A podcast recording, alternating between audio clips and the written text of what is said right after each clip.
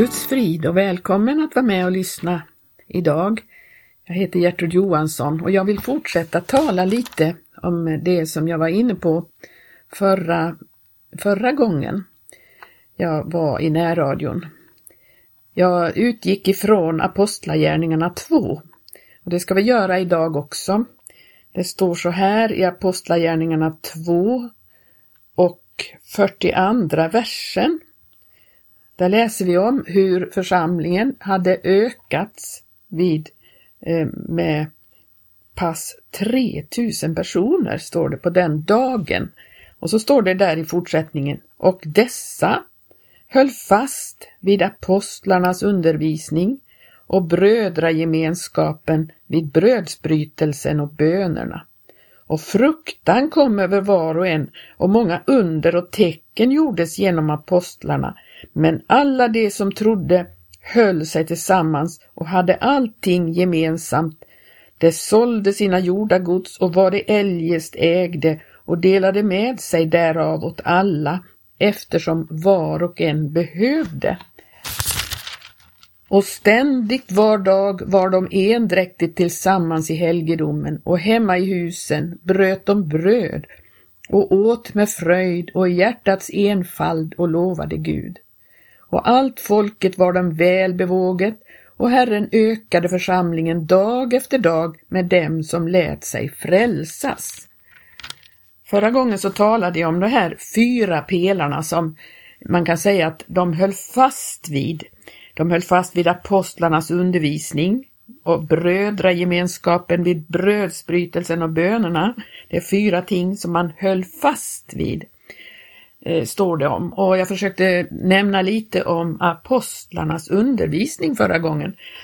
jag vet inte om jag lyckades så särskilt bra att få en, eh, en eh, tydlighet i vad apostlarnas undervisning innebar, men bara för att avsluta det så vill jag bara ta med några punkter som jag tycker att man kan säga det fanns med i apostlarnas undervisning. Och det var just det här att göra bättring eller att omvända sig. Och då naturligtvis ta emot frälsningen som en gåva. Och och i och med detta så låta döpa sig, alltså det handlade om troendedop. Och att de då som gåva skulle få andedopet. Sen kan man se i undervisningen att det handlar om att helgas, att helgas i ordet. Det som det står i Petri brev att man ska renas genom, eh, genom ordet. Och eh, Också så innehöll den här undervisningen att det, det, handlar om ett uttåg ur världen, att vi inte längre tillhör världens rike och då blir det frågan om ett uppbrott och uttåg ur världen.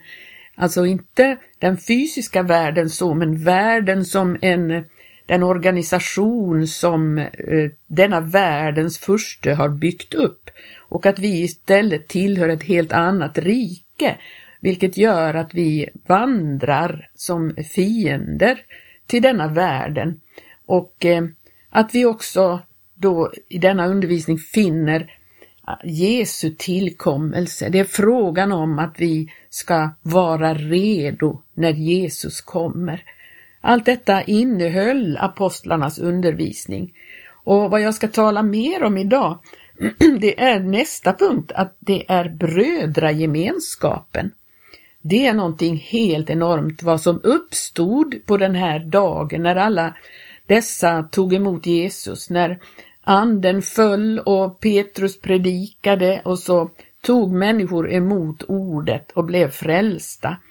Och då, det, det som vi läste här är ju fantastiskt. Om hur man eh, Eh, var tillsammans, man höll sig tillsammans. Och man hade allting gemensamt. Och ägodelarna, de delade man med sig åt, åt var och en som behövde det. Och de var endräktigt tillsammans varje dag, står det, i helgedomen och hemma i husen. Och bröt bröd och åt med fröjd och hjärtats enfald och lovade Gud. Tänk vilken gemenskap det uppstod. Och i fjärde kapitlets eh, Apostlagärningarna 4 och 32 vers står det så här. och i hela skaran av dem som trodde var ett hjärta och en själ. Ingen enda kallade något av det han ägde för sitt, utan de hade allting gemensamt. Och med stor kraft frambar apostlarna vittnesbördet om Herren Jesu uppståndelse och stor nåd var över dem alla. Bland dem fanns ingen som led nöd för alla som ägde något jordstycke eller något hus sålde detta och bar fram betalningen för det sålda och lade den för apostlarnas fötter och man delade ut därav så att var och en fick eftersom han behövde. Tänk vilken gemenskap som uppstod. Man, man blev så eh, eniga och ett, endräktiga som, som det står. Så att man hade eh, en sån oerhörd glädje i denna gemenskap. Eh, I Lukas allra sista vers så står det fa faktiskt så här, och de var sedan alltid i helgedomen och lovade Gud. Alltid, alltid var de där. För detta var så stort det de hade upp upplevt och varit med om. Nu fick de en sån oerhörd gemenskap. Och naturligtvis är det så här att när man då har upplevt verkligen detta att världen är ett rike man inte längre tillhör, då har man ju gemenskap med dem som på samma sätt har eh, upplevt att man kommer ut ur världen och att man eh, får ett främlingskap i tiden. Och det var väl det som de här människorna upplevde. Nu var det dessa människor som var, som det står, deras egna, står det om i Apostlagärningarna, att eh, när Paulus kom så kom han till sina egna, står det på ett ställe. Den här gemenskapen förutsätter att eh, eh man fortsätter med det. För det står ju i, i första Petri brev så står det så här att eh, fjärde kapitlet, eh, ska se, jag hittar det. Första Petri brevs eh, fjärde kapitel och sjunde vers så står det eh, Ja, vi kan börja från sjunde versen. Men änden på allting är nu nära. Var alltså besinningsfulla och nyktra så att ni kan bedja. Och så kommer det i åttonde versen. Och var framförallt uthålliga i er kärlek till varandra. Ty kärleken överskyler en myckenhet av synder och eh, var gästvänliga mot varandra utan knot och tjäna varandra var och en med den nådegåva han har undfått, såsom goda förvaltare av Guds mångfaldiga nåd. Om någon talar så var hans tal i enlighet med Guds ord, om någon har en tjänst så sköter han den efter måttet av den kraft som Gud förlänar, så att Gud i allt blir ärad genom Jesus Kristus. Honom tillhör äran och väldet i evigheternas evigheter. Amen. Här uppmanar Petrus dem att vara uthålliga i sin kärlek till varandra. För eh, det är ju någonting som får påfrestningar, den här gemenskapen. Annars så skulle det inte stå så här att de höll fast vid det, om inte det fanns sånt som ville splittra upp det. Upplever vi inte det idag, att det är så mycket som vill splittra upp vår gemenskap? Vi kan inte vara tillsammans och djävulen stjäl vår tid och vår kraft och allting så vi orkar knappt träffa varandra och umgås. Vad viktigt är att vi håller fast vid det här och är uthålliga i den här kärleken. Eh, den här gemenskapen förutsätter att vi faktiskt har eh, en ljusets gemenskap. För att i Johannes första brev så står det i första kapitlet Om vi säger oss ha gemenskap med honom, står det från sjätte versen, och vi vandrar i mörkret så ljuger vi och gör inte sanningen. Men om vi vandrar i ljuset så som han är i ljuset så har vi gemenskap med varandra och Jesu, hans sons blod, renar oss från all synd. Det är så viktigt att vi vandrar i ljuset, att vi inte håller på med saker i hemlighet som inte de andra får veta, sånt som vi håller för oss själva och inte, nej, det ska vara fullständigt ljus emellan syskonen. Nu talas det om brödragemenskap, naturligtvis så innefattar det alla systrarna också. det, det kallas brödragemenskap men betyder alltså syskongemenskap.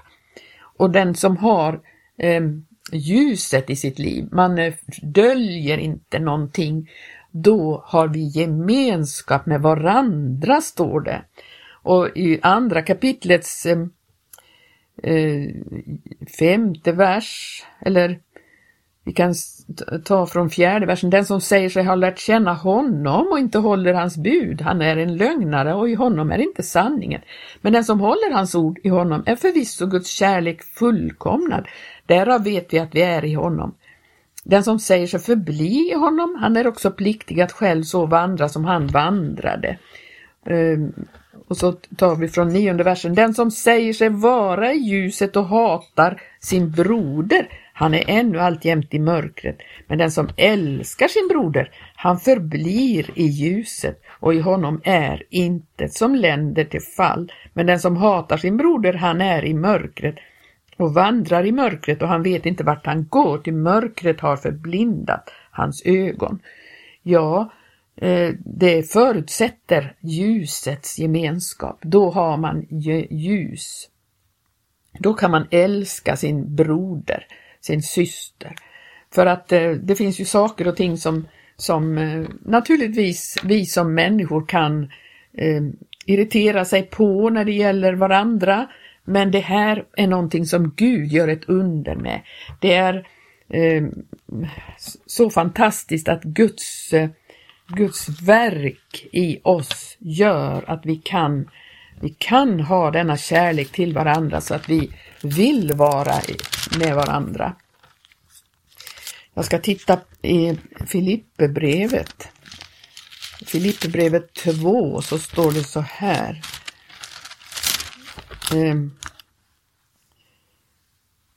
i andra kapitlets första vers om nu förmaning i Kristus, om uppmuntran i kärlek, om gemenskap i anden, om hjärtlig godhet och barmhärtighet betyder något, gör då min glädje fullkomlig i det att ni är ens till sinnes, uppfyllda av samma kärlek, endräktiga, liksinnade, fria från genstridighet och ifrån begär efter förfänglig ära, fast hellre må var och en i ödmjukhet akta den andre för mer än sig själv. Och se icke var och en på sitt eget bästa utan var och en också på andras. Tänk att eh, detta kan Gud göra i våra hjärtan, att vi kan ha en sådan kärlek till varandra, att vi kan vara ens till sinnes och vi tänker inte på oss själva, vi tänker på de andra, vi tänker på helheten och gör vad vi kan för syskonen. Eh, I Kolosserbrevet 3 kan vi titta också, det står om det här. Ehm, Kolosserbrevet 3. Vi ser vad det står där. Tolfte versen så står det så kläder nu som Guds utvalda, hans heliga och älskade i hjärtlig barmhärtighet och godhet, ödmjukhet, saktmod och tålamod och ha fördrag med varandra och förlåt varandra om någon har något att förebrå en annan. Så som Herren har förlåtit er, så ska också ni förlåta vad viktigt det är att vi vandrar och är villiga att förlåta varandra, ha fördrag med varandra. Vi får, måste ha fördrag med varandra för det finns sånt som jag kanske eh, eh, stör de andra med och då behöver jag fördragsamhet. Och på samma sätt ska jag ha fördrag med andra. Att de kanske inte gör allt som jag tycker och tänker, och, men då måste vi ha fördrag med varandra och förlåta varandra. Och så står det i 14 versen, men över allt detta ska ni iklä er kärleken, ty den är fullkomlighetens sammanhållande band. Vi kan ju inte älska varandra med den kärleken som vi har talat om förut här så behöver vi den helige Ande för att kunna älska på ett fullkomligt sätt.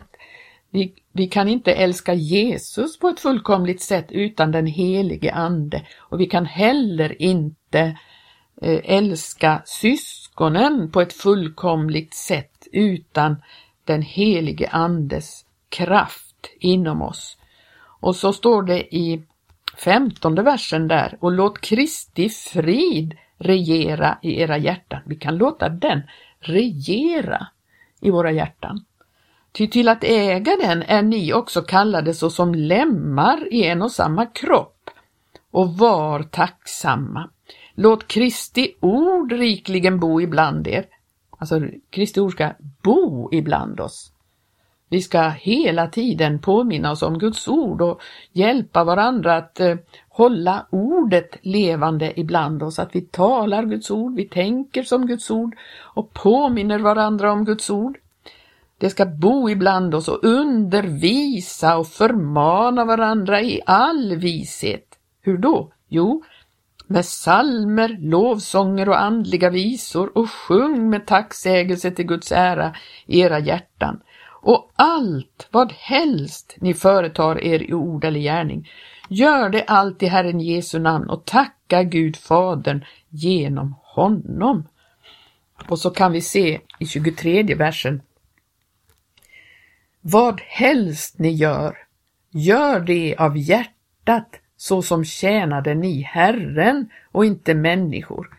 Det är Jesu, alltså till att visa kärleken till Jesus, det får vi göra genom att vi visar den till våra medsyskon. Det blir en brödragemenskap som är utav himlen, det blir en himmelsk eh, Käre gode Gud, en himmelsk eh, atmosfär där alla upplever att det jag gör för, för min medvandrare, det gör jag för Herren. Det står ju på många ställen så står det om detta med med, medvandrare, medarbetare och, och, och så vidare. Och det är ju det vi är med varandra på väg till himmelen. Och om jag tjänar min broder eller syster, då tjänar jag egentligen Herren. Och därför kan jag göra det av hjärtat, så som om jag känner. Tänk att eh, diska av hjärtat, därför att jag tjänar mina medsyskon. Städa av hjärtat. Eh, servera mat av hjärtat. Eh, gå ärenden av hjärtat hjärtat. Göra vad jag än kan göra för mina syskon, medsyskon, det gör jag av hjärtat. Och, och det, det blir en kärlek som strömmar ut ifrån mig, som inte kommer ifrån mig själv utan från honom som har utgjutit kärleken genom sin ande i mitt hjärta. Tänk att det här kan vi demonstrera inför hela andevärlden. Här finns det något annat än denna egoism som breder ut sig, denna individualism som breder ut sig. Och vi ska inte vara sådana som denna världen skapar människorna. För det står ju så här att kärleken ska kallna. Kärleken. Det är inte bara kärleken till Jesus utan det är kärleken till, till alla medvandrare här, till och med till sina egna. Den, denna kärlek kommer att kallna, men här blir det istället så att det blir en värme och en kärlek som blir en demonstration för hela andevärlden. Och det är Gud som är så angelägen om att det här blir synliggjort eh, i oss så att eh, eh hans avsikt med människan kan bli synliggjord. Det står ju i första Petri brev, låt er själva. Första Petri brev, andra kapitlets och femte vers. Låt er själva såsom levande stenar uppbyggas till ett andligt hus så att ni blir ett heligt prästerskap som ska frambära andliga offer, vilka genom Jesus Kristus är välbehagliga för Gud. Tänk detta att låta sig uppbyggas. Det innebär att man faktiskt får en plats ibland alla andra syskon som på samma sätt låter sig uppbyggas och så blir det ett andligt hus där Gud kan bo. För det står ju det, han vill ha, ta sin boning ibland oss. Han, en Guds boning i anden står det om.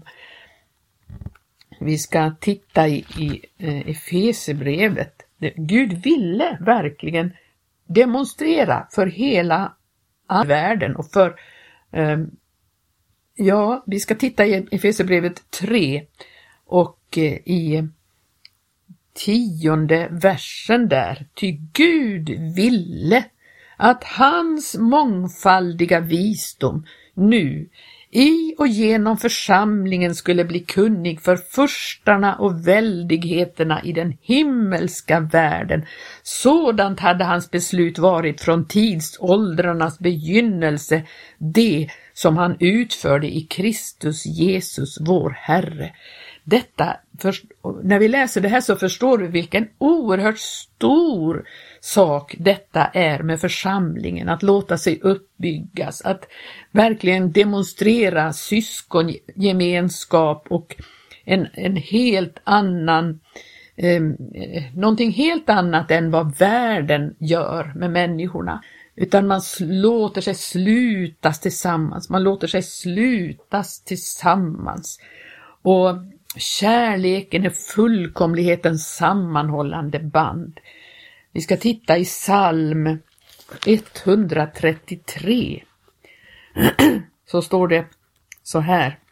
David skriver Se hur gott och ljuvligt det är att bröder bor endräktigt tillsammans. Det är likt den dyrbara oljan på huvudet som flyter ner i skägget, ner i Arons skägg, som flyter ner över linningen på hans kläder. Det är likt Hermons dagg som faller ner på Sionsbergen, ty där beskär Herren välsignelse, liv till evig tid. Den där dyrbara oljan, det är ju frågan om den helige ande och det flyter ner Hermons dagg, Hermons dagg, det är det himmelska daggen, det himmelska regnet som faller ner på Sionsbergen. Det är någonting himmelskt som kommer när brödragemenskapen blir upprättad och därför så får vi hålla fast vid denna brödragemenskapen och inte släppa taget, vara uthålliga i vår kärlek till varandra. Så får Guds plan går i lås, Guds plan blir synliggjord och Jesus blir förhärligad i och ibland oss. Detta var det här om brödragemenskapen. Nästa gång ska jag ta upp om brödsbrytelsen. Men Gud må välsigna dig att ta emot de här små eh, ja, lärdomarna som jag har försökt att förmedla här och jag önskar dig Guds välsignelse.